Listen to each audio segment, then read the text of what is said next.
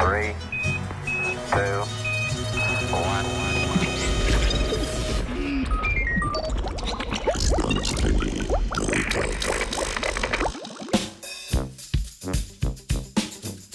Gosenice iz plastelina.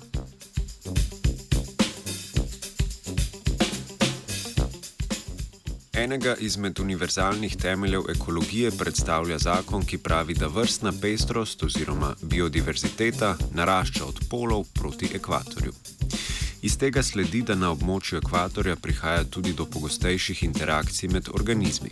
Nedavno objavljena raziskava, pri kateri so sodelovali znanstveniki in znanstvenice z celega sveta, je pokazala nove zakonitosti v ekologiji glede prostorske razširjenosti plenilcev.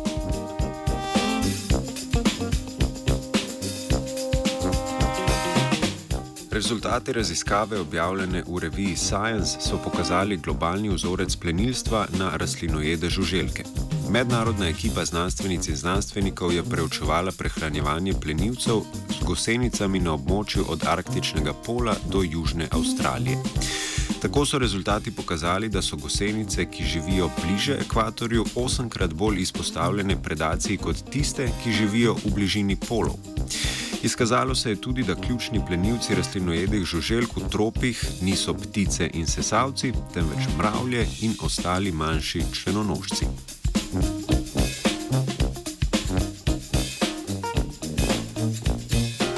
Raziskavo so preprosto izvedli z uporabo umetnih gosenic iz plastelina, s pomočjo katerih so opazovali odziv njihovih plenilcev. Gosenice iz plastelina so nastavili na kar 31 različnih krajev po svetu, čez celotno zemljepisno širino. Tako so plenilci gosenic, kot so ptice in mravlje, s svojimi ugrizi pustili na umetni gosenici sledi. Raziskovalke in raziskovalci so lahko kasneje na podlagi ugrizov določili, za katero vrsto plenilca je šlo.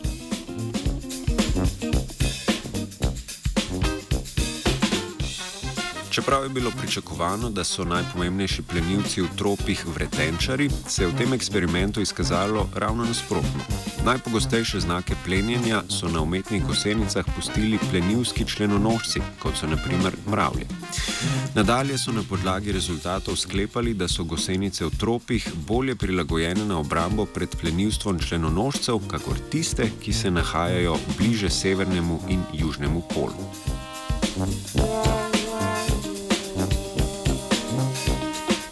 Znano je, da rastlinojede vrste v tropih za svojo prehrano odstranijo od 10 do 20 odstotkov rastlinske biomase.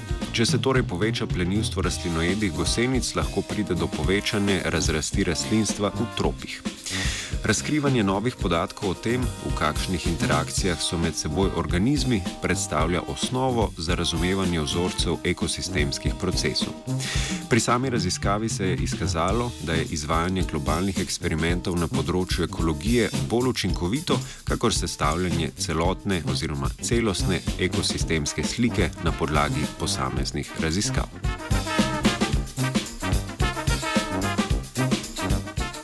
Smisel v gosenicah iz plastelina sedaj vidi Sebastian. Three, two, one.